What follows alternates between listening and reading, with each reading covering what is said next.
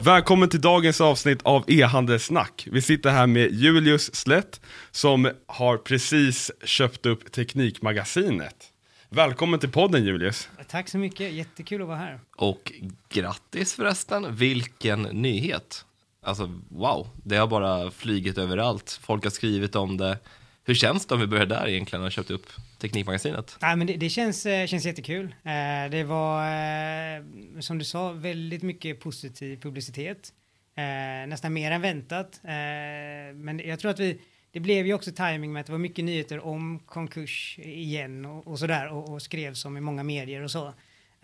och, och sen kunde vi komma ut med den här nyheten ganska snabbt efter också och ha en sajt uppe och sådär. Eh, så var det mycket positiv och mycket, mycket rolig publicitet.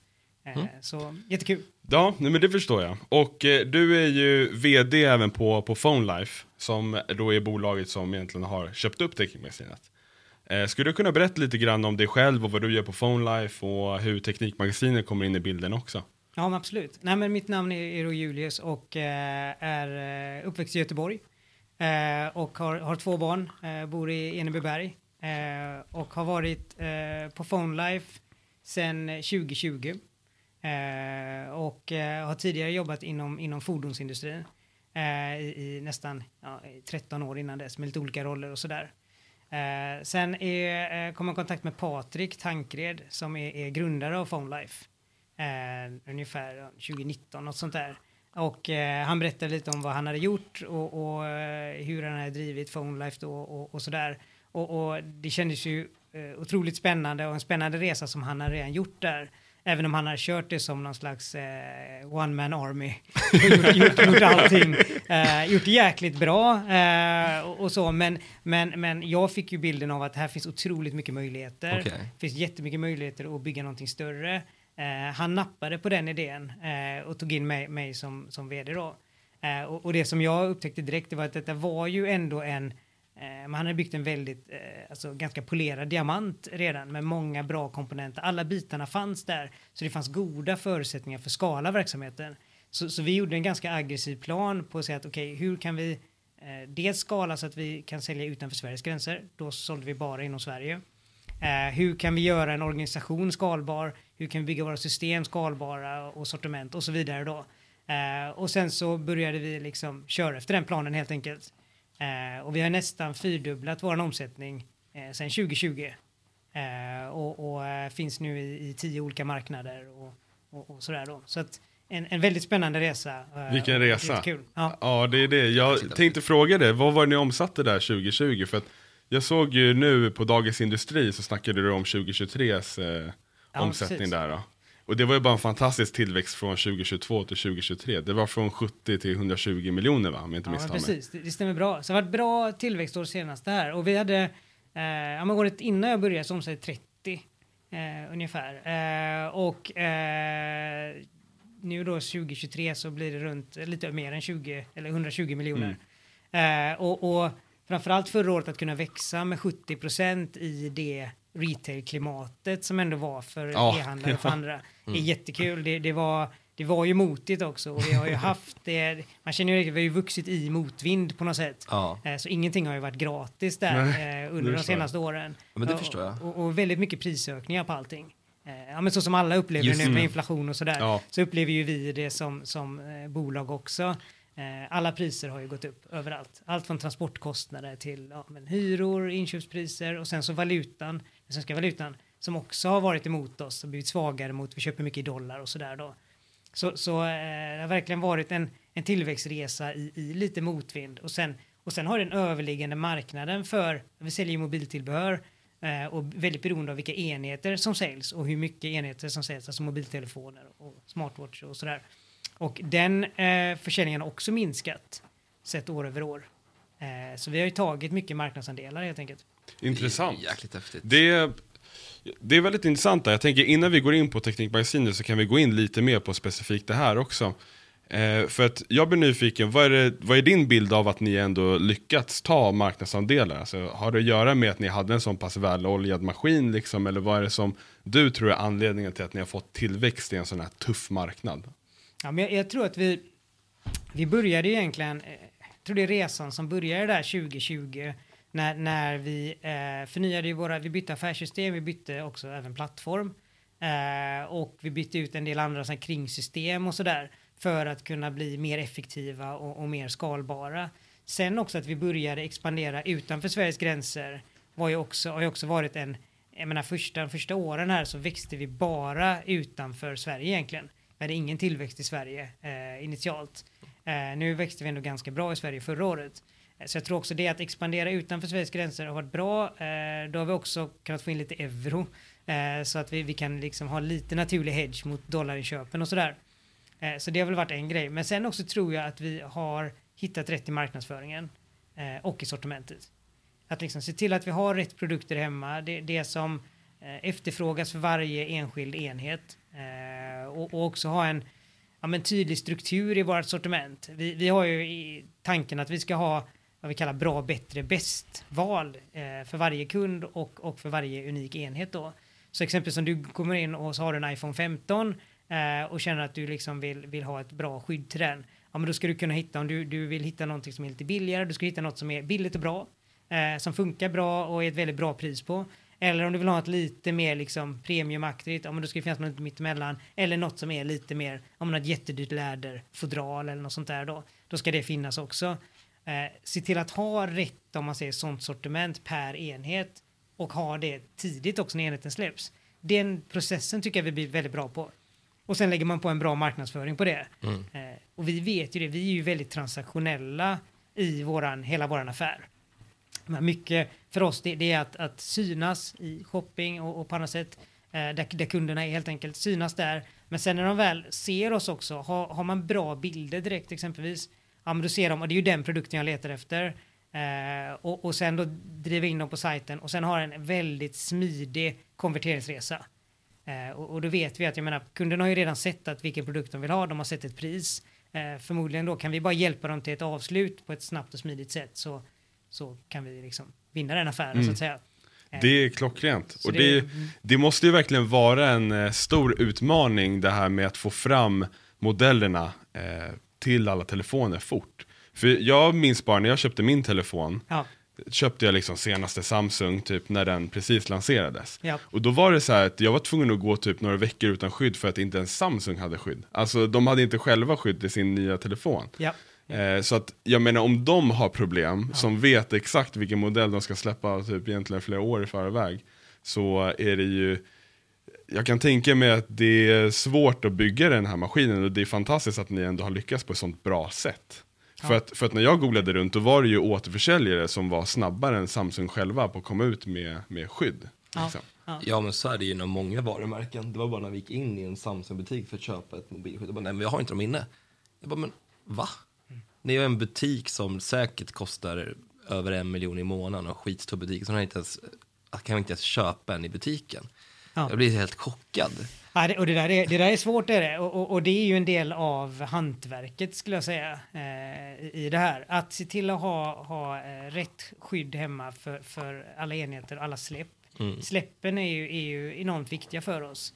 Eh, men att, att sitta då på med rätt sortiment och lagom lagernivå. Det är jättelätt att köpa på sig för mycket lager också. Eh, med rätt lagernivå där eh, och, och finnas där ute för att vi märker det när, när telefonerna släpps och till och med innan de släpps så, så är det viktigt att ha ett bra sortiment hemma. För då kan vi pusha hårt att ja, du ska inte gå en sekund utan ett bra skydd. Så, och många beställer ju hem sina telefoner på nätet också. Eh, och då vill man ju inte få telefonen och sen gå till en affär eller beställa något och vänta två dagar. För då kommer man ju säkert tappa telefonen då. ja, så det kör vi ja. bort med, liksom, att du ska ha liksom skydd från, från första sekund eller första dagen och sådär då. Eh, och därför säljer vi en hel del när telefonen inte ens har, finns fysiskt i handen än. Okej. Okay. Eh, till och med när de bara liksom, ja, men de har presenterat att den ska släppas. Den kanske kommer till, bli tillgänglig om en vecka, sen är leveranstid på ytterligare några veckor. Även där vid releasedatumet säljer vi en del skydd. Mm. Hur, hur, hur går det till när man ska göra skydd och sånt där? Är det typ att ni har någon kontaktperson på bolagen som skickar ut så här kommer designen se ut eller alltså hur får man reda på det så att man kan tajma lanseringen? Ja, nej, men och vi jobbar ju mycket med leverantörerna där. Eh, en del av dem har ju bra insight till tillverkarna då med Samsung eller Apple eller så. Eh, andra av dem eh, ja, men chansar väl lite grann och så. Eh, så det har ju hänt att man har, man, vi har köpt saker som, som har varit ja, men de har inte vetat exempelvis som på iPhone är ju det här med hur kamerorna sitter och hur den här boxen ser ut där kamerorna är. Eh, den är ju inte alltid, innan själva släppet har varit, så är det inte alltid säkert exakt att det är i rätt form där och sådär. Eh, där har ju en del chansat lite grann som vi har suttit med, med skydd och, och, och ja, skärmskydd och annat, liksom linsskydd som inte passat exakt och så. Eh, men, men de lite mer etablerade tillverkarna och sådär, de, de har bra koll på. Händer det ofta att ni köper in eh, liksom mycket skydd och så passar det inte till telefonen? Nej, det händer inte ofta faktiskt. Det gör det inte. Skönt. Ja, Skönt att inte slippa den. Men, men det händer eh, Ja. och, och sådär. Eh, det gör det. Eh, det är ju för att de håller ju väldigt mycket hemligt eh, kring det. Mm. Eh, men de brukar ha ganska givna sådana här form, eh, former. På, Mm, Det är bra. Någon, någonting jag tycker är intressant som du nämnde, det är ju det här med lagersaldo och köpa in inför släpp. Ja. Det måste ju vara sjukt komplicerat att veta hur hög en efterfrågan kommer vara. Ja, det, det är trixigt är det. det, Ja. det är, vi tittar ju mycket på historisk data. Eh, hur mycket sålde vi förra gången eh, av den här och vilka produkter såldes då? Eh, och vi vet ju eh, ganska väl vilka som är storvolymerna generellt så, så, så att man kan bygga upp någon slags bas. Sen är det ju alltid något som sticker beroende lite på trend och, och, och lite sådär. Så är det ofta någonting som liksom sticker och, och så. Och det, det är ju svårt att ta höjd för fullt ut. Eh, så där får man chansa lite grann eh, och lite fingertoppskänsla. Eh, sen är det ju sådär att, att man, man tänker ju ofta att, att eh, alla vill ha olika färger och så. Men vi vet ju att svart och, och genomskinliga skal säljer alltid. Så har man en bra bas där så, så kommer man ha bra liksom, täckning i alla fall. Ja, fair enough. Eh, Ja, jag kan tänka mig att det ibland blir lite så här eh, snedskjutningar, liksom att man köper in stora eller alldeles för lite. Ja, Kan jag tänka mig ja. också. Uff. Säljer slut väldigt, väldigt fort. Jag skulle säga det, det är mer, det är oftare att vi har köpt för lite av någonting Ja. som sticker. Mm. Eh, men det kan vara någon speciell lila färg som för en grej som kan vara det är ju att enheten kan ju ha någon speciell ny färg på sig. Ja, men som Apple brukar alltid ha några olika färger som kanske matchar riktigt snyggt med någon speciell färg. Eller att Just man vill att det. ska vara samma färg. Och det, det brukar de ju hålla hemligt ganska länge. långt innan vi måste lägga beställningar, i alla fall de här första beställningarna. Ja. Sen gäller det ju också att ha bra, ja, men dels bra dialog med leverantörerna och, och bra ingångar så att man snabbt också kan, kan lägga nya ordrar. Så så fort den har släppts och man ser något börja sticka att man då kan vara där och liksom fylla på eh, där det liksom börjar sticka någonstans då. Mm. Eh, det är jätteviktigt. Eh, och, och där blir det ju, vi får ju bevaka det på dagsbasis eh, när det har varit ett stort släpp. Mm. Eh, och så försöka lägga kompletterande order och sådär. Eh, men det, det jag tycker ändå det, det har gått väldigt bra. Senaste Samsung-släppet som var nu, de släppte en S24 här, det var väl några, vårt bästa släpp någonsin tror jag. Okej. Kul. Jättekul. Så jag tror att vi har börjat hitta de där komponenterna i ja, men vad behöver, hur behöver vi förbereda oss, eh, vilket sortiment behöver vi ha och hur ska vi marknadsföra, hur ska vi nå ut på ett bra sätt. Det känns som att vi börjar hitta en bra liksom, form för det. Mm. Eh, så vi hade ju, ja vi hade väl, kan ha varit nästan dubbelt så mycket som när, när iPhone släpptes hade vi i försäljning eh, när Samsung släpptes in. Oj, vilket är mycket mindre släpp i, framförallt i Sverige då. Mm. Eh, Intressant. Det där är ju sjukt intressant. ja. Vad, vad tror du det beror på då? Ja, men jag tror lite det här att vi, vi har lärt oss för varje släpp nu senaste åren här så har vi lärt oss mer om ja, men, vilka produkter ska vara hemma och vilka produkter ska vi pusha eh, och, och, och lite timing och sådär. Så jag tror lite om det är hur vi gör de olika bitarna som, som vi bara blivit bättre på. Eh, och sen har vi väl i takt med vuxit också kan vi ju ta lite större bets också. Nu kan vi ju köpa in tusen av den här Mm. eller två tusen av, av ett, ett skärmskydd eller något sånt där. När man var lite mindre så vågade man ju inte riktigt göra det. Nej, så nej, jag tänkte man får ja. sitta med det i fyra år sen. Och så. Ja, det är riskanalys också. Ja. Det förstår jag. Det är en Ja. helt annan grej då jämfört med nu. Så är det. Sen är det ju kul, men vi har ju såklart en lång svans som många har, eh, retailers och så. Men mobiltelefoner är ju ändå sådär att man ger ju ofta bort sin telefon eh, till eh, föräldrar eller barn. Eh, vilket gör att då vill de förmodligen ha ett nytt skydd. Så det, man ser ju ändå det på gamla enheter, säljer det ganska bra också. Mhm. Så att när det kommer ny iPhone så är det ofta någon som ger bort, många kanske hade en, en 11 eller 12 nu när 15 kom. Och då ger de bort den till sitt barn kanske. Då vill de ha lite annan typ av skal kanske, men framförallt ett nytt. De vill inte ha det tråkiga eh, plånboksfodralet eh, som, som ens mamma hade då kanske. Eller något sånt Ja, exakt. Eh, exakt. Så, så, ehm, så, så det ser vi ju. Och det, och det är ju bra för våran svans. För då, då kan man ju sälja ut lite sådana här grejer och, och ja, en del väldigt mycket äldre modeller rullar ändå ganska bra. Det är väldigt intressant. Ja. Det hade jag nästan inte tänkt på faktiskt. Mm. Och jag, jag tänker, eller hade du en till fråga nu? Alltså bara jag- spontant, jag tycker det är alltid, oftast fokuserar man mycket på det, det är bra inom e-handel, men någonting jag tycker är kul att kolla det är ju, har ni haft något exempelvis mardrömssläpp? Bara för att se något, något som gick riktigt åt skogen. Bara för kul att se. Ehm, ja, men alltså jag, jag tycker ju nog att vi, vi har det svårt för eh, iPhone-släppen. Okej, ja. Eh, och vi har väl haft något släpp, eh, men vi har väl haft någon gång vi kanske inte haft tillräckligt med lager ja. på det. Alltså vi, gjort, vi, vi har gjort bedömningen av att det här kommer vara det som säljer och sen är det något annat som blir väldigt populärt.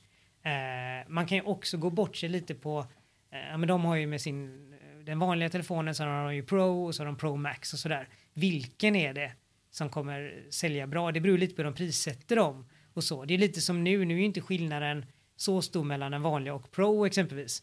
Så förmodligen kommer många välja kanske Pro för den vanliga. Men vi köper massa skydd för det brukar ju skilja lite på lite sådär på ja, framförallt på kameradelen och sådär. Eh, så kan det ju bli hamna i läget att vi köpt alldeles för mycket till en av modellerna. Så, så även, och då tycker vi ändå att vi kanske köpt på oss mycket för det här släppet men vi har köpt till fel modell. Ja, fattar. eh, Ja. Eller version då liksom. Så det, det har väl hänt eh, framförallt där. Sen är ju också konkurrensen kring de släppen iPhone är, är ju blodig alltså. ja. Det, det, det är ju helt otroligt. Det, det går ju Jo, men det märker man. Ja, men det går ju alla lös så mycket. Och, och, och, och det är ju, men även de här egna varumärkena vill ju synas jättemycket då. Eh, men Hold It och Nudent och I Love Sweden och alla de här. Så de kör ju jättehårt både kampanjer och, eh, och i, i, i liksom, digitala marknadsföringen. Så, så, så där är det tufft, eh, tycker jag. Sen, Ja. sen har vi väl någon gång kring det kinesiska nyåret som är här i februari. Just det. Eh, där har vi väl någon gång tror jag historiskt också hamnat snett. Och då har man lite längre tid på sig att korrigera de, de inköpen som kommer från, från Kina då. Så det har väl också hänt någon gång. Och framförallt Samsung släpper ju alltid sin här i, i början av året. Och framförallt om de ligger nära det nyåret och vi ser att man har köpt in lite fel, ja då går det ju nästan en, en månad innan man Ja, fy kan fan. göra något åt det där då. Eh, du kan jobba med andra distributörer och lite så, men, men eh, det har väl nog hänt någon gång också. Ja. Hur lång brukar den här cykeln vara efter att eh, en telefon släpps? Ja. Hur länge är det populärt att det är liksom, man köper skal till enheten? Ja, men det, det rullar ändå ganska jämnt. Alltså det, det är, Eh, vi är inte så, så säsongsberoende faktiskt. Eh, på gott och ont. Framförallt gott tror jag. Det, det gör att vi, vi har ju ganska stabil försäljning över hela året. Eh, och sen är den såklart lite större i november och december. Eh, som för många, men inte tror jag så relativt så mycket större som den är för många andra retailers generellt. Eh, och det tror jag är för att du byter enhet eh, lite mer utspritt beroende på när ditt abonnemang ofta går ut kanske. Eh, och det behöver inte vara kopplat till att eh, det är jul eller att det är, är, är någon sån här reaperiod eller så på samma sätt. Sen är det klart att vi påverkas av de perioderna för då kanske man köper en telefon eller man passar på att byta då något erbjudande så. Så det är väl lite mer utspritt för oss. Sen är det ju många som har jobbtelefoner och sådär. Eh, och då kan det ju vara när de har bytt jobb eh, som, som påverkar när man, man byter telefon. Eh, och så. så att jag skulle säga att vi har ganska utspritt över året. När, i, liksom. I samband med lansering då? ja, Hur, hur mycket påverkar och hur länge håller sig själva hypen från en ny lansering av en Ja. telefon? ja, men det, det tycker jag. Jag tycker att de stora eh, släppen håller ju lite längre och eh, lägger sig sen på en, en högre nivå över längre period. Eh, ja, med iPhone och Samsung och sådär. Eh, de mindre släppen är ju att det är ju en mindre andel och så tror jag att det är mm, inte så många som säljer skydd till dem. Vil- vilket blir att vi och några andra kanske blir enda stället där det finns någon skydd då och, då och då köper man av oss. Sen, sen, sen går den ner väldigt mycket efter det släppet. Eh, men eh, ja, det, det är stor skillnad Ja, på en släpp eh, och, och när den ligger i, i, i, liksom, i steady state på något sätt. Ja, det är, det är ett pussel det där alltså. Ja, det, det är verkligen. Det är verkligen det. Ja. Men jag, jag tänker så här, jag är lite ivrig här liksom. Ja. Så att jag tänker, vi ska återgå till Phone Life lite Mm. senare. Men nu är säkert många lyssnarna också lite intresserade på Teknikmagasinet. Ja. Så jag, jag tänker så här, skulle du kunna berätta lite grann om bakgrunden när det kommer till själva uppköpet? Alltså hur, hur fick ni nys om det här och hur, alltså, hur gick processen till när ni skulle köpa det? Var det ett självklart eller var det mycket fram och tillbaka? Hur gick det egentligen till? Ja, men, men eh, man, man kan väl säga startskottet är någonstans, det, det är vår strategiska riktning där vi vill expandera bolaget. Eh, och, och, och, och vi vill titta också på ja, men andra segment än bara mobiltillbehör. Den har ju funnits där i, i bakhuvudet och vi har tittat på lite olika spår där och börjat testa också lite olika produktsegment och sådär. Så, så det har ju funnits med oss hela tiden så vi har haft om man säger tentaklerna ute så. Sen, sen eh, när vi såg nyheten eh, strax efter årsskiftet att Teknikmagasinet hade gått i, i konkurs igen eh, så tänkte vi att det är intressant att, eh, diskutera med konkursförvaltaren hur, hur de ser på det. För vi, vi tycker att det är ett jättefint varumärke och har eh, allihop i bolaget nästan minnen av hur det var när man var lite yngre och, och, och eh, gick in i Teknikmagasinet och tittade i katalogen Ja. och, och så vidare. Och, och, sådär. Så det finns mycket den här nostalgiska känslan kopplat till det. Så, så vi började diskutera med konkursförvaltaren och han presenterade hur caset såg ut eh, och, och hur de drev det och sådär. Och, och då såg ju vi att jo, men det som skulle kunna vara intressant för oss här det är att ta över det här eh, e-handeln helt enkelt. Och ta över den, för det är det vi kan och det är det vi kan göra bra. Eh, driva butiker och så, det, det är ju inte aktuellt för oss. Vi har inte den varken kapital eller kompetens att göra det. Eh, och då diskuterade vi olika vägar fram med dem och, och, och så, så det var ganska mycket bollande där. Men sen landade det till slut att vi kunde köpa loss varumärket, vi kunde köpa loss domänerna. Eh, Helt enkelt. Och sen har vi köpt lite lager också. Eh, av dem. Nice. Fan vad grymt. Var det hög konkurrens liksom? Var det många som ville köpa Teknikmagasinet? eller? Bra fråga. Jag, jag, jag, jag vet inte riktigt. Nej, Eh, och, och vi har inte varit involverade. Vi har varit involverade i lite processer att köpa andra bolag tidigare. Och jag har i, i mitt tidigare liv också eh, varit med och köpt bolag och, och varit involverad i en del M&A-processer och sådär. Eh, men jag har aldrig eh, köpt något av ett konkursbo. Eh, och det var ju annorlunda var det, helt klart. Eh, där, där det är, man förstår att de har ju en annan agenda som styrs av andra parametrar än en traditionell säljare. Eh, så där finns nog mycket att lära. Jag tror, jag tror man kan göra mycket, mycket där om man är duktig på det. Eh, Cool. men men så, att, så, jag, så jag vet inte riktigt. Det, det vi förstod ganska tidigt det var att de hade ingen som ville ta helheten. Okej. Vilket jag tror var nyckeln. Jag vet inte om andra där väntade på att det skulle bli klart. Mm. Eh, men vi gick på dem tidigt så att vi, men vi vill ha de här bitarna. Det gjorde att de kunde stänga med oss ganska tidigt där, eller relativt tidigt. Eh, och så då. Så att det, det förstod vi att det var ingen som ville ha hel, eller kunde ta över helheten. Eh, men jag tror att de hade några intressenter, helt klart. Mm. Intressant. Jag är ju väldigt nyfiken då, eh, för jag, det du säger stämmer ju. Jag kan ju själv relatera när man åkte till, jag som är uppvuxen i norr- norrort åkte till Jakobsbergs centrum och så gick jag in i Teknikmagasinet, öppnade den här katalogen och bläddrade och såg de här radiostyrda bilarna och tänkte, ja men den där båten skulle jag ha i Ja. sommar. Och det är ju sån nostalgi Ja. som kommer upp och jag tänker på det Ja. och man flyger tillbaka i tiden. Och då tänkte jag kolla, för att som du säger, ni vill satsa på e-handel. Jag, jag, tror, jag tror att det är ett jäkligt smart move också. Eh, men eh, då tänkte jag bara kolla, hur ser ni på utmaningarna med att många kopplar eh, just Teknikmagasinet till en fysisk plats? Ja. Ja. Hur ser ni på de utmaningarna? Nej, men det, och den, den utmaningen finns ju där Ja. såklart. Sen tänker jag också att många av de kunderna som har handlat hos Teknikmagasinet tror jag också är eller håller på att bli ganska e-handelsvana. Mm. Så jag tror som det är för nästan alla nu som, som är i, i, i åldern, jag vet inte, 10 till till 80. är ganska e-handelsvana. Och framförallt i och med pa- pandemin också Ja. så känns det som man flyttar ju den gränsen även bland, bland äldre också. Ja. Eh, Jag menar mina föräldrar handlar jättemycket på nätet och, och sådär då. Så att eh, jag tror att, att kunderna är ändå vana vid e-handel. Sen kommer de såklart sakna lite det här fysiska, den fysiska butiken.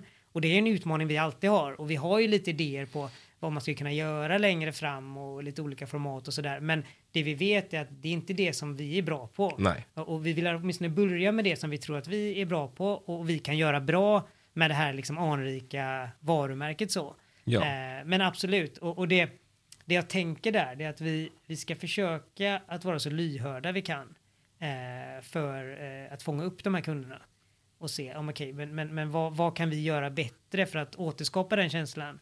För det är ju någonting som vi, vi har funderat mycket på. Hur digitaliserar man det där mötet man har när man går in i en, i en fysisk butik och, och man letar efter en vara eller man ställer frågor eller man, man är osäker säker på vad man vill ha. Hur kan man digitalisera det Ja. på ett bra sätt? Eh, det är ju någonting som vi jobbar mycket med och, och, Det är jätteviktigt. och vill utveckla helt enkelt. Ja, det är få som är duktiga på det också. Men lyckas man med det, då får man verkligen den här känslan av... Det är ju smart, vi har haft med andra gäster också som har pratat om det här, men att hur ska man få känslan av att komma in i en butik, in i en e-handel? Och det finns ju otroligt mycket att göra.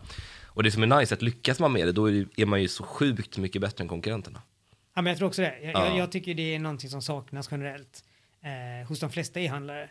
Eh, och jag tror de flesta också funderar mycket på det och, och jobbar mycket med det också. Sådär. Eh, och, och, men ja, nej, håller med. Mm. Helt klart.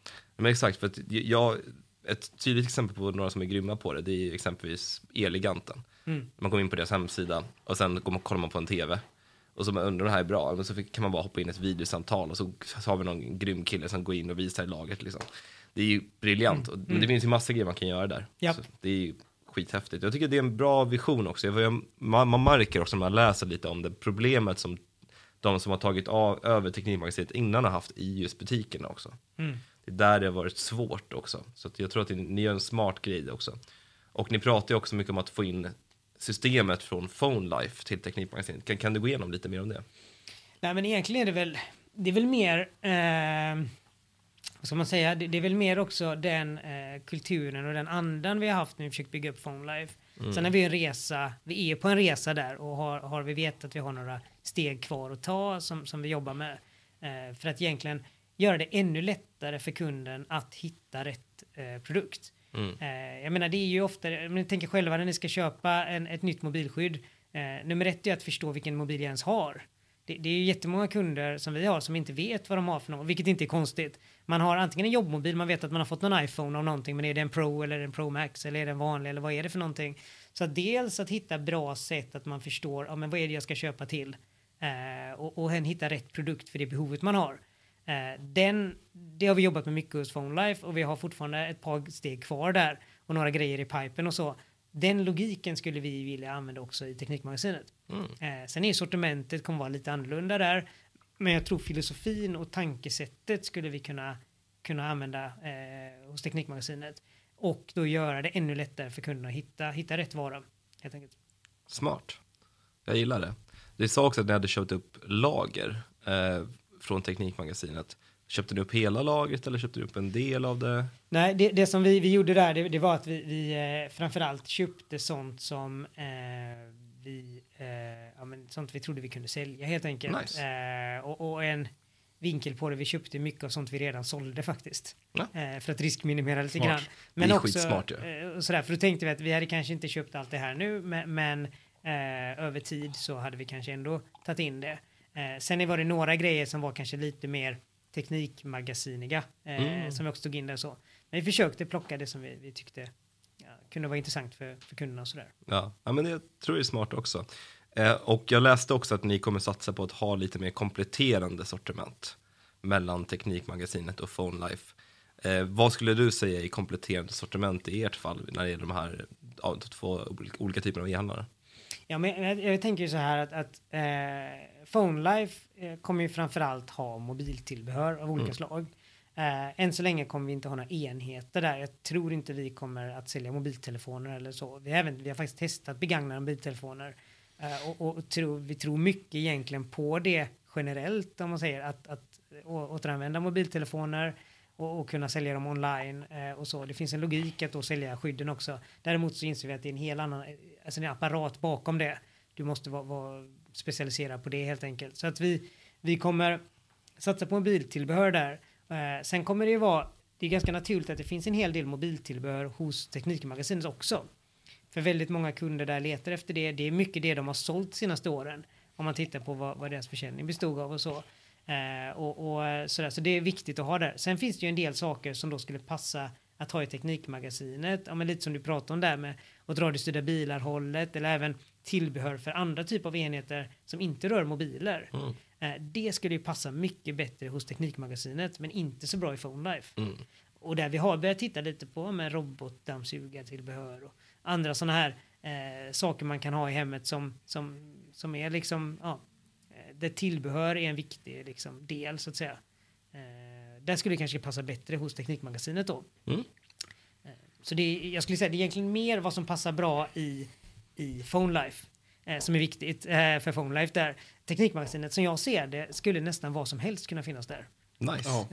Jag känner så, om man tittar på historiken. Ja, gud, ja, verkligen. skulle- Du skulle ju kunna sälja eh, en, en lösnäsa utan att det är fel, men också liksom ja, en mobiltelefon egentligen. Ja. Det är ju det som är så klockrent och det är därför som man har så mycket koppling till själva magasinet också. Ja. För att jag minns bara när man gick i eh, Galleria så gick man alltid i alla fall förbi Teknikmagasinet, tog en katalog med sig. Ja. så kunde man bara gå och bläddra lite grann, kolla på de här sällskapsspelen, alla teknikprylar, mobilskal, det fanns allt möjligt i de här. Ja. Eh, Liksom luftgevär och jag vet inte vad, allt möjligt. Så att du, man kan ju verkligen sälja i stort sett vad som helst på Teknikmagasinet.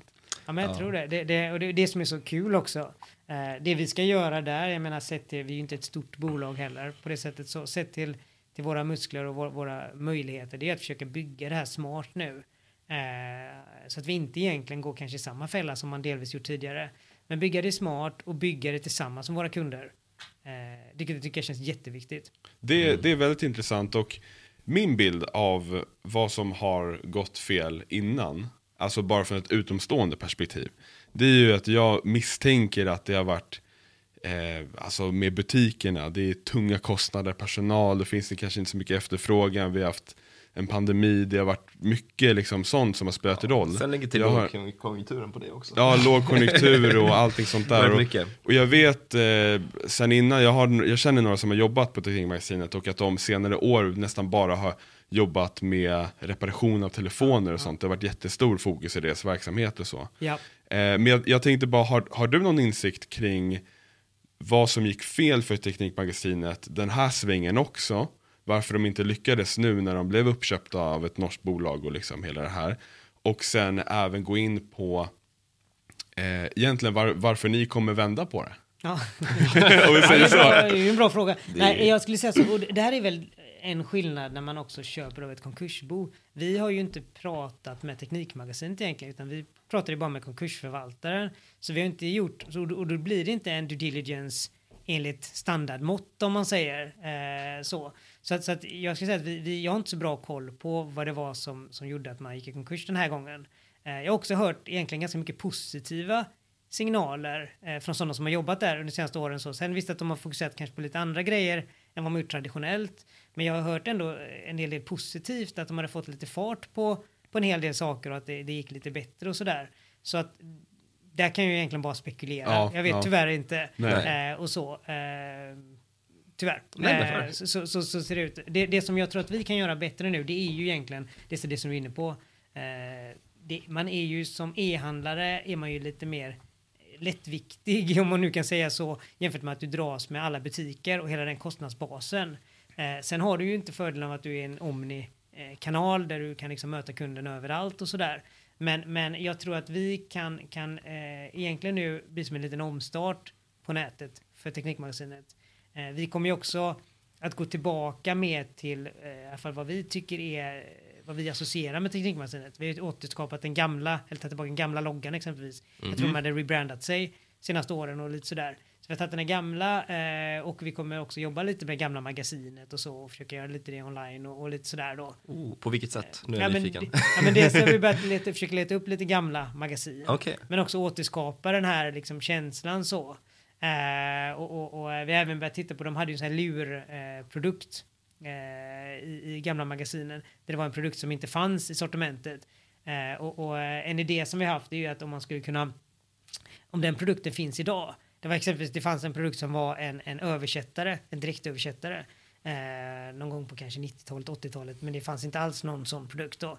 En sån, om, om det går att hitta en sån produkt idag, så det var väldigt kul att återskapa de lurprodukterna som faktiskt finns i, idag sådär. Eh, och det har varit en rolig liksom, Ja, grej så. verkligen. Alltså det är Eh. klockren är det. Ja, så, så att Nej, men det jag tror vi kan, vi kan göra bättre, som din fråga där, det, det är att vi, vi, eh, vi driver det som en e-handel eh, och vi liksom kan, kan bygga ett sortiment eh, som, som vi tror kommer passa våra kunder. Vi vet att det finns en efterfrågan eh, där ute.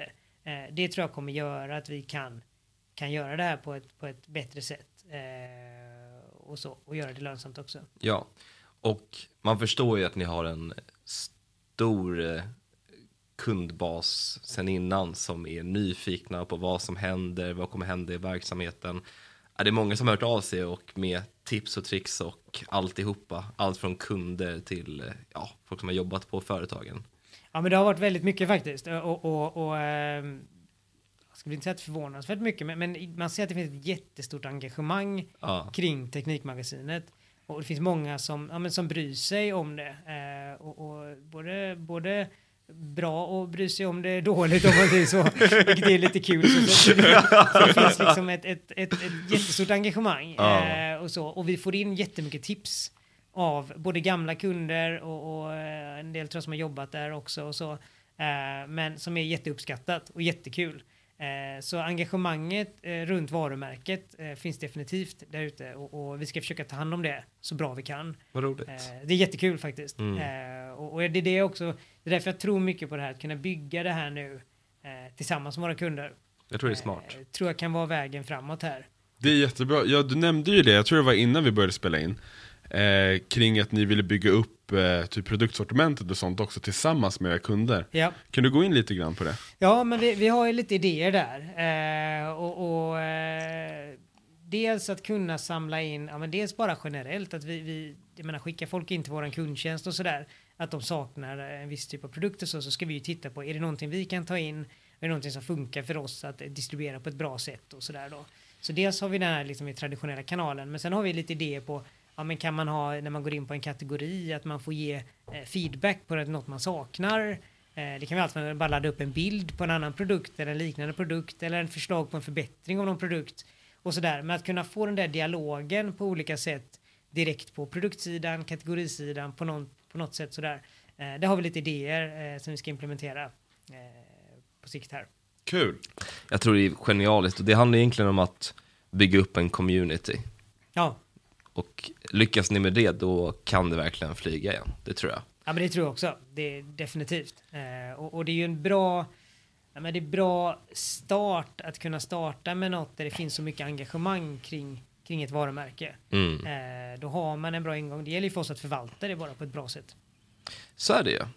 Och ni har ju per automatik, då ni har ju tag, köpt upp varumärket så får man ju en helt, en mycket större efterfrågan per automatik. Jag gjorde lite research och bara såg genom olika kanaler att bara sökningen teknik, Teknikmagasinet ligger på runt 50-100 000 sökningar i månaden. Ja, Vilket är helt galet egentligen. En skön att- boost. det, det, var, det, var, det var ju en anledning också när, Ja. vi, när vi tittade på att köpa det. För vi började ju precis.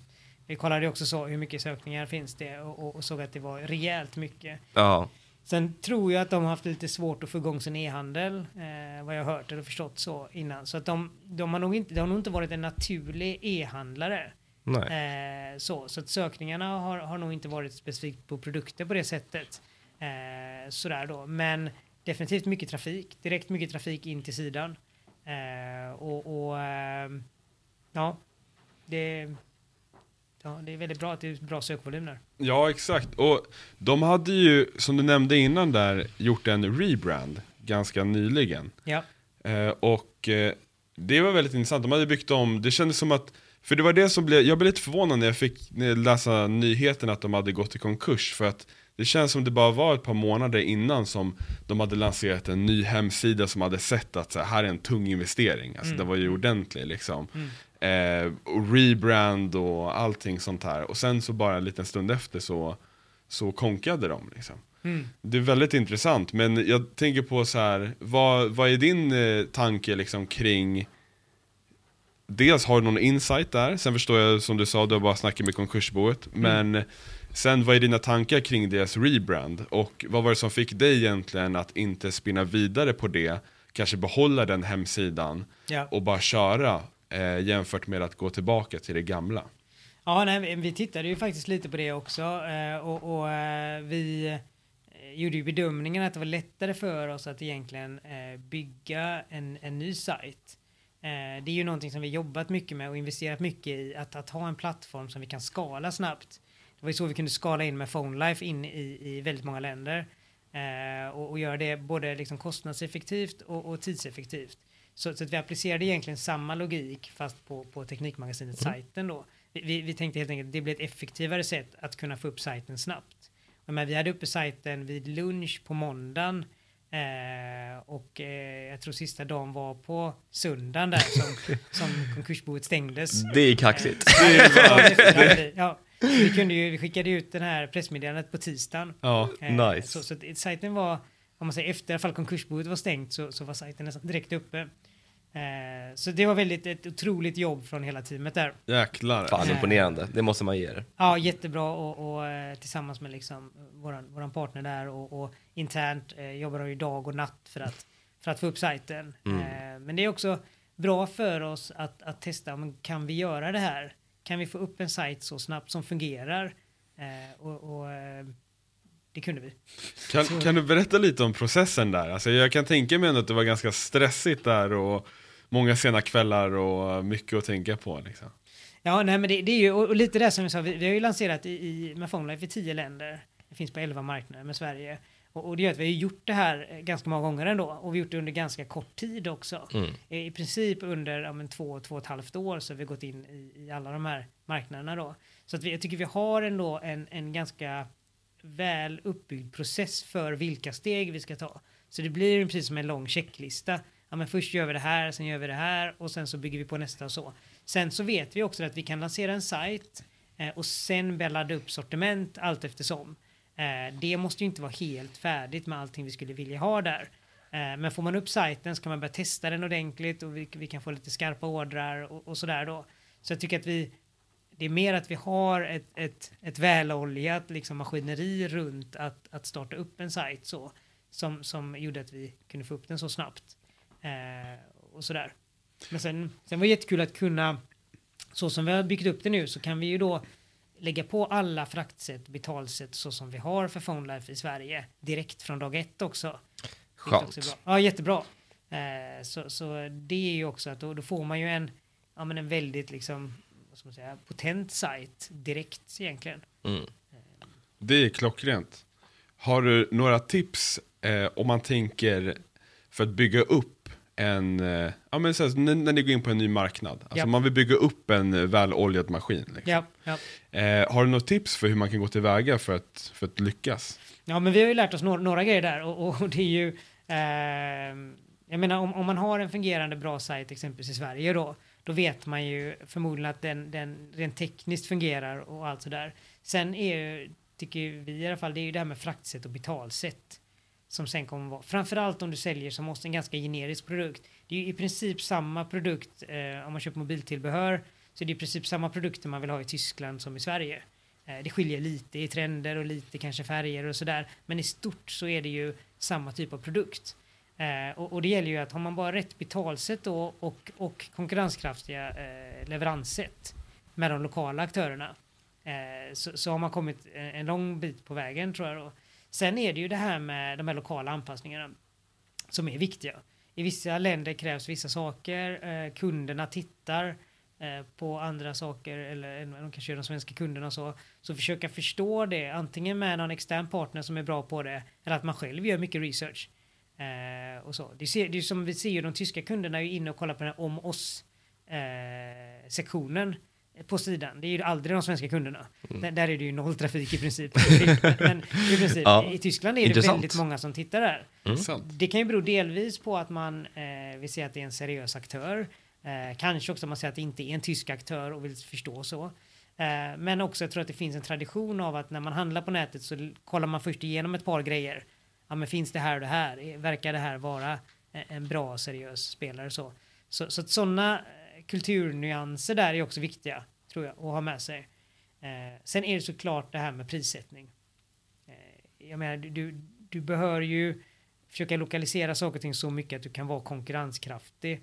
Där har ju vi haft resonemang ibland att vi ibland får vi ju eh, om vi ska kunna konkurrera där mot en, en lokal aktör så kanske vi får ha ett annat pris helt enkelt eh, och, än vad vi skulle ha kanske i Sverige eller så. Eh, och, och det är ju en, en viktig komponent. Eh, Det förstår jag helt enkelt. Mm. Av nyfikenhet också, eh, Teknikmagasinet. Vilka marknader planerar ni att eh, finnas i på där?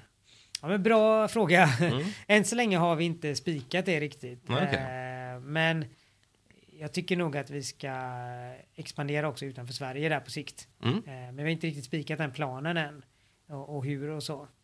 Eh, Hur ser närvaron ut av Teknikmagasinet i Nord? Har du koll på det? Ja, men de, de var ganska stora i Norge nu. De, de har ju haft det i Finland tidigare också. Eh, och i Norge nu var de ganska stora också. Eh, om det, hur mycket det berodde på att det var ett norskt bolag som ägde nu precis innan.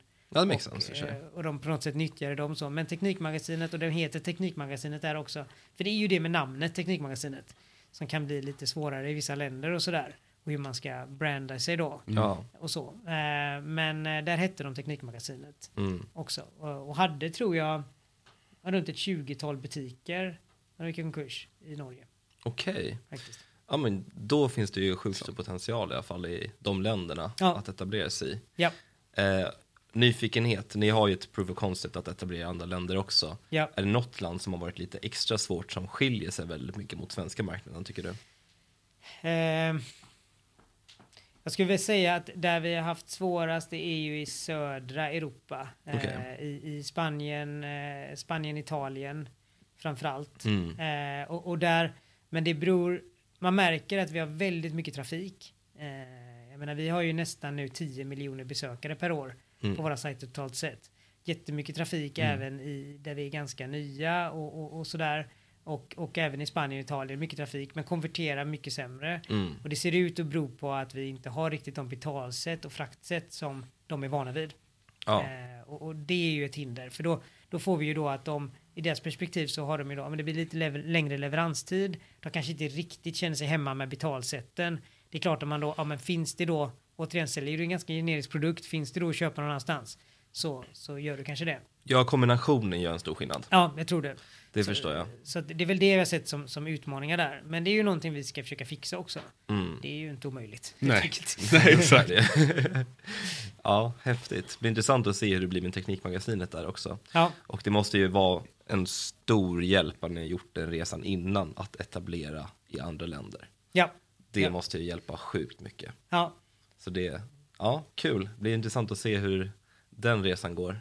Ja, nej men verkligen. Och det, det är ju så, vi, och vi mäter ju mycket lönsamhet eh, på olika sätt. Eh, och, och eh, ibland mäter vi lite för mycket kanske. Men, men, men så vi är noggranna med att titta på, har vi en bra rörlig vinst? Och, och vi bevakar ju den från dag ett. Vi har, vi har ju i princip en, ja, men en dags-PNL där vi, där vi kollar på lönsamheten per dag i princip. Jäklar. Eh, för alla våra butiker egentligen.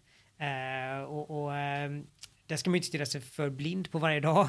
Men vi kan, det som fördelen med det är att vi kan ganska snabbt se eh, om ett, en ny marknad är lönsam eller inte. Och det jag tycker vi har varit bra på det är att styra nya marknader till en, ja men i alla fall att de kan finansiera sig själva. Vilket gör att vi har råd att lansera en till marknad. Smart. Eh, och då ligger de åtminstone, visst de kanske inte genererar så mycket pengar för oss, men det kostar oss ingenting heller. Och då kan vi gå på nästa och sen kan man successivt skala upp marknaden och, och förhoppningsvis då generera lite vinst och så. Så det, det tycker jag vi blivit väldigt bra på. Det är en smart strategi också, för då blir det att man bygger upp en sjukt bra grund per land. Ja, Och sen så går man vidare. Ja. Och sen så kan man ju växa väldigt fort Ja. när man väl tar marknadsandelar. Utan att egentligen ha så mycket risk, eh, risker. Jag tror att många e-handlare tror ju eller känner ju att det finns ett behov av in kapital kanske för att göra Mm. de här stora internationella eh, expansionerna. Mm. Men det här är ju ett väldigt smart strategi. Ja men detta blir ju någon sån här liksom lite, lite, ja, men dels har vi ju finansierat allt själva än så länge. Vi har inte tagit in något kapital. Mm. Eh, och det är att finansiera en expansion med, med det egna kapitalet egentligen. Eh, och, och det tycker jag funkar bra, men självklart blir man ibland sugen på att om, men om vi hade haft 20 miljoner här och skicka en ordentlig marknadsföringskampanj, Ja, ja, ja. lansera riktigt tungt och sådär.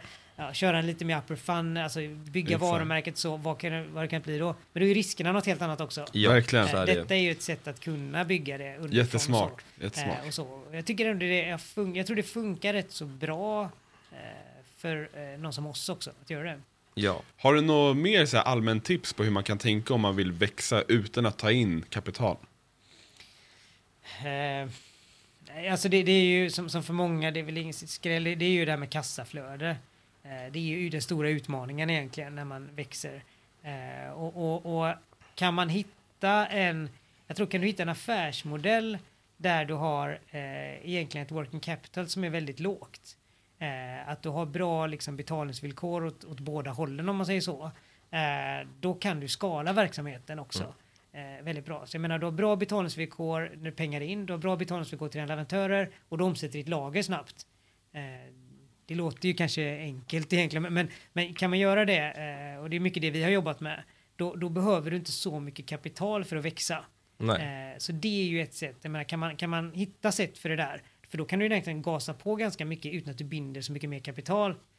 Eh. Så, så det tror jag, för jag tror annars det, det kassaflödet är ju den stora utmaningen. Mm. Du springer in i någon liksom kassaflödets vägg nästan. Mm. Eh, och, och det är tufft. Så vi dyker tillbaka in på uh, Teknikmagasinet där då.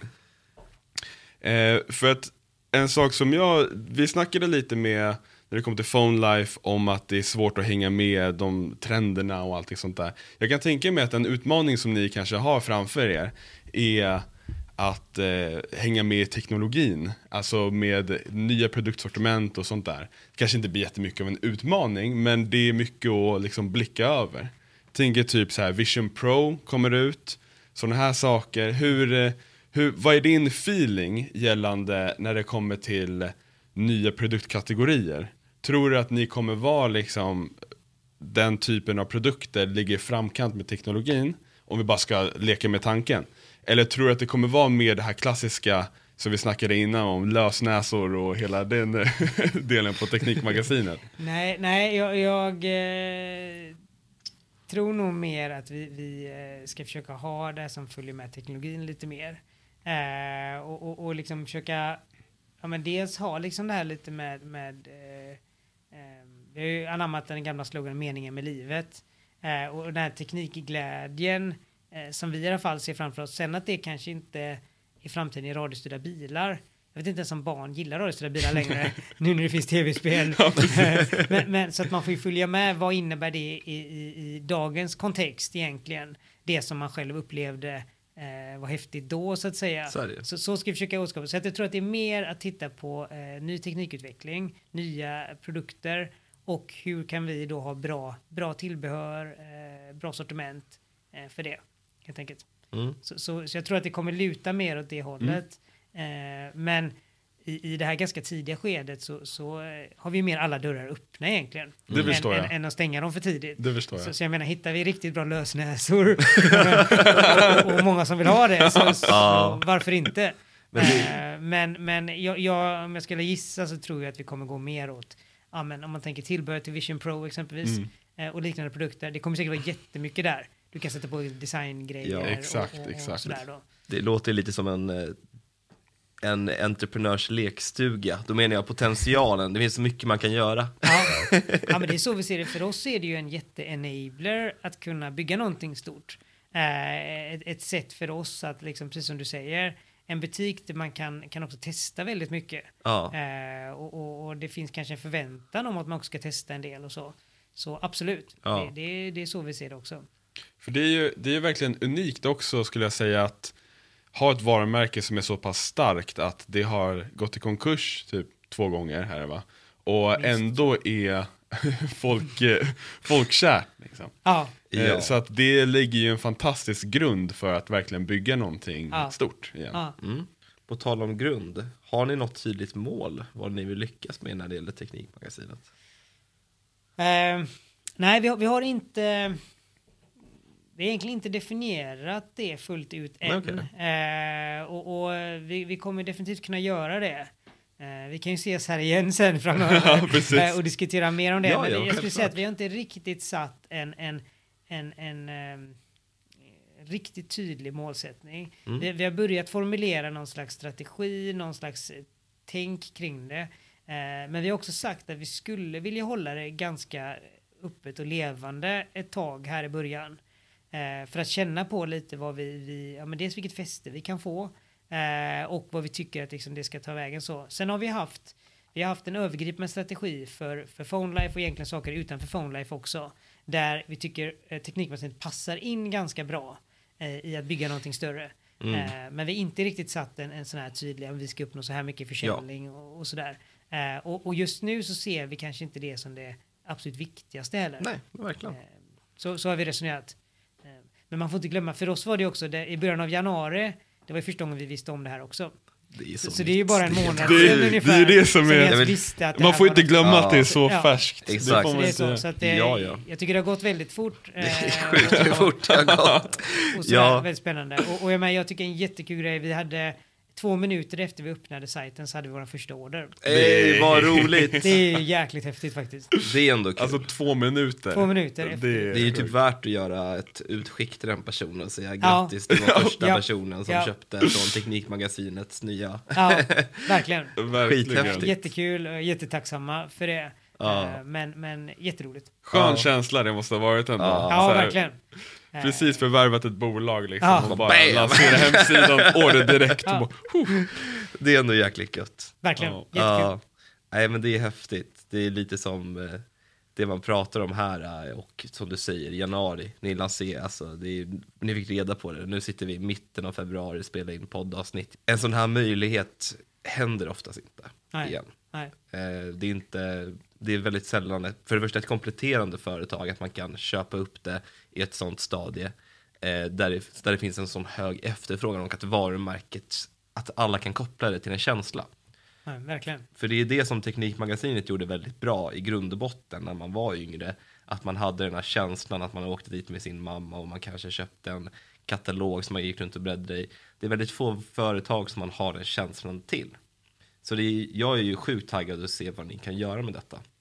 Det är också varför vi ville ha mer så här tidigt in i poddavsnittet för att se, bara prata och se egentligen vad, vad fanns det i hela. Men det är jäkligt intressant att se och höra er vision. Jag tycker att det är otroligt smart när ni har ett så kompletterat sortiment och satsa på det. Ja, kul. Tack. ja, Ja, men verkligen. jag, jag kan bara hålla med. Det, det, var ju, det är precis samma resonemang som vi har haft också. Eh, vi är ju väldigt stolta över det vi gjort med PhoneLife och, och, och eh, vi har ju vuxit eh, mycket med PhoneLife. Men vi, vi levererade nästan ut eh, 600 000 ordrar förra året. Eh, men är ganska okända egentligen. Mm. Det, vi har jättemånga kunder men det är inte så många som vet vilka vi är. Här fick vi möjligheten att, att ta över ett varumärke som är väldigt känt och ska försöka förvalta det på bästa sätt och bygga någonting riktigt bra. Eh, och vilket känns jättekul och, och förhoppningsvis kan vi också dra med PhoneLife lite i, i det också. Fler nu har ju fått upp ögonen kanske för, för PhoneLife också, vilka produkter vi har och vad vi kan göra och sådär. Så att eh, ja, men jag tror liksom eh, samverkan här mellan de två kan bli väldigt bra. Mm. Det förstår jag. Det förstår jag verkligen. Tror du att det finns en risk att det blir lite någon form av konkurrens mellan dem eller ser du inte det som ett problem alls eller? Nej, alltså vi, vi har ju eh, diskuterat det också, hur vi ska bygga upp med sortiment och sådär. Och, och, och egentligen så tror jag inte att det är, är något problem för att det, det gör ju inte så mycket att någon handlar i ena eller andra butiken för oss. Sen kanske det är viktigt att kunderna förstår att det finns en koppling och så, men, men, men det är, jag, jag tänker att man, man förmodligen kommer ha lite andra infallsvinklar när man kommer in till Teknikmagasinet. Sen att du kanske handlar en produkt som, som PhoneLife också har i sitt sortiment det, det är ju fine för det är samma apparat i bakgrunden och samma fulfillment och sådär. Så, så det, det är ju bara bra. Men när du handlar på Teknikmagasinet kanske du lägger till någonting annat som du aldrig hade hittat hos PhoneLife eller ens tänkt på. Eh, och det kan ju också vara så att du kommer in och så, och så letar du efter eh, den här teknikprylen eh, och kommer in och så såg du att det fanns mobilskydd också. Och så lägger du till en vara då på en order som annars inte hade haft den, den, den, eh, det skyddet eller vad det nu kan vara då som finns i PhoneLife sortiment. Så, så att jag, nej, jag, jag, jag tror att det är, istället tror jag vi kan dra nytta av Mm. det. Att ha två, två kanaler eller två butiker. Mm. Men det förstår jag. Av nyfikenhet, vi, vi som älskar data, eh, kan man säga. Hur funkade det i uppköpet? Köpte ni gamla datan också? Databasen, kunddata, mailadresser, alltihopa? Är det någonting som ni fick med i affären? Eller? Eh, nej, det fick vi inte Ah. eh, med i affären. Attans! ja, det var eh, precis. Sen finns det lite GDPR-bitar Ja, och det sådär. fattar där, så, nej, så det, det har vi faktiskt inte med. Som jag är lite nyfiken över, eh, det är ifall ni kände av i PhoneLife då, då när eh, Mediamarkt konkade. Och om ni har sett någon skillnad i, dels när de konkade, sen när Power kom, om det blev om det påverkade er, om ni såg någon skillnad i marknaden. För att jag har ju sett att Elgiganten har ju, nu har ju de så mycket mer än bara mobiltillbehör. Mm. Men de har ju vässat armbågen nu, precis som när Mediamarkt kom till Sverige. Och skyltar jättemycket med sin prisgaranti och allt sånt där. Har, har, har ni upplevt att det blivit ett svårare klimat eller har det inte påverkat så mycket eller hur? Jo, men jag, jag tycker att eh, dels har vi funnits i Norge ett tag och där har ju Power varit ganska stora. Eh, och och eh, varit, om man säger, mer aktiva online än motsvarande mediemarkt har varit då. Eh, så vi var ju lite beredda på att det kommer vara samma i Sverige sen. Och initialt så var det, tyckte, jag tyckte vi inte det. Mediamakt syntes ju lite grann men kanske inte, de körde inte stenhårt på mobiltillbehör i alla fall. Men nu har vi sett att Power, eh, de kör ju hårdare i den digitala marknadsföringen och så upplever vi än vad Mediamakt gjorde i alla fall. Så eh, jo, men jag tycker de har haft en viss påverkan. Eh, vi är ju dock vana vid, som en så nischad spelare som vi är, så är vi vana vid de här eh, stora, ja, men Elgiganten och Mediamarkt eller Power och NetOnNet och så vidare. Eh, och hur de kör och vi vet att de också kör väldigt mycket annat och, och, och sådär. Så, så att jag, jag, tycker att vi har ett bra sätt att bemöta dem på. Men jo, jag tycker de hade en viss påverkan. Mm. Det är vår bedömning i alla fall. Har, har, har du något allmänt tips för någon, alltså för e-handlare som vill konkurrera med jättarna? Nej, det... eh, bra fråga. Eh, jag tror ju åt, man måste fundera på varför ska man handla hos oss? Eh, istället för att handla av, av Mediamarkt då. Och, och, vad får man mer av att handla? Vad är det för kundvärde vi kan skapa? Kundvärde är ju otroligt viktigt och, och som en nischad spelare som, som bara agerar online så måste man fundera på hur skapar man kundvärde Eh, för den typen av kund och den typen av produkt man, man har och säljer då. Eh, och, och, och, där tror jag att man kan göra lite, dels det här med sortiment. Eh, vi ser ju det, de stora aktörerna kanske inte har ett fullskaligt sortiment för nya modeller.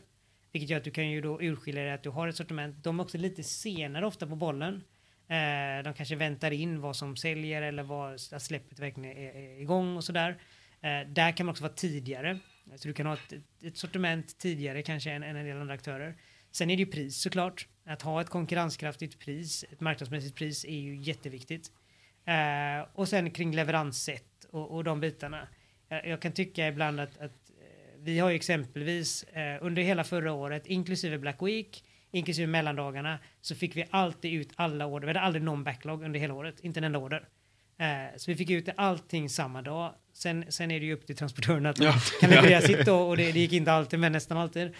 Eh, men det gör att vi, vi, det kan man också, alltså jobba med de interna, om man säger processerna, ha en riktigt slimmad fulfillment som är effektiv. Eh, så att av de här 600 000 ordrarna vi skickade ut så var ju alla ifrån oss så snabbt som möjligt.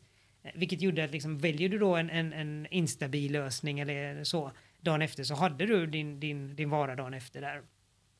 Helt enkelt. Och så då, så det är ju också någonting som man kan liksom särskilja sig lite grann då. Sen, sen är det ju en annan grej. Det, det, är ju att om man är en nisch som vi är, eh, bara mobiltillbehör, då, då ska man ju se till att vara riktigt bra på mobiltillbehör. Mm. Eh, och, och det, det att, att då kunna att kunden lätt kommer in på sajten och kan välja rätt vara då. Eh, eh, när de ändå är inne i den här liksom nischade delen. Det är ju otroligt viktigt. Som vi sa i början där lite grann. Att vi, för det första, hur vet de vilken telefon de har? Hur guidar man dem rätt till det? Hur får man dem att välja rätt skydd för de behoven de har? Eh, och hur de ska använda telefonen eller den enheten man köper till. Eh, där tror jag man kan liksom lägga mycket mer kärlek och tid på än en stor spelare som säljer tv-apparater och brödrostar och så vidare då. Så där tror jag du också kan att liksom utskilja lite grann. Mm. Jättebra tips. Verkligen. Alltså, det är ju det som man har att konkurrera med. Kundupplevelsen egentligen. Ja. ja. Exakt, och visa att man är experterna på det man gör. För man märker att många som handlar på de större aktörerna känner av att det är större aktörer. Och att kanske oavsett om det är kundsupporter man konkurrerar på eller om det är att man är väldigt nischade och man har otroligt bra, stort och brett produktsortiment inom den nischen. Ja. Så måste man ju väldigt tydligt visa att man är experterna inom det området. Verkligen, det, det är jätteviktigt. Eh, och, och sen har ju vi kvar att vi har alltid gratis frakt. Mm. Så vi har, eh, och även om du köper något för 49 kronor så, så kan du få gratis frakt. Så, vi har, alltid, nice. så vi har alltid ett gratis fraktalternativ. Det har vi till alla länder också. Som vi, som vi säljer till. Jäklar. Så även, även ner till Italien någonstans eh, så har, har, vi gratis frakt. Och, och, och, då har vi jobbat mycket med att vi, vi, vi kallar det mer som ett standardfraktalternativ.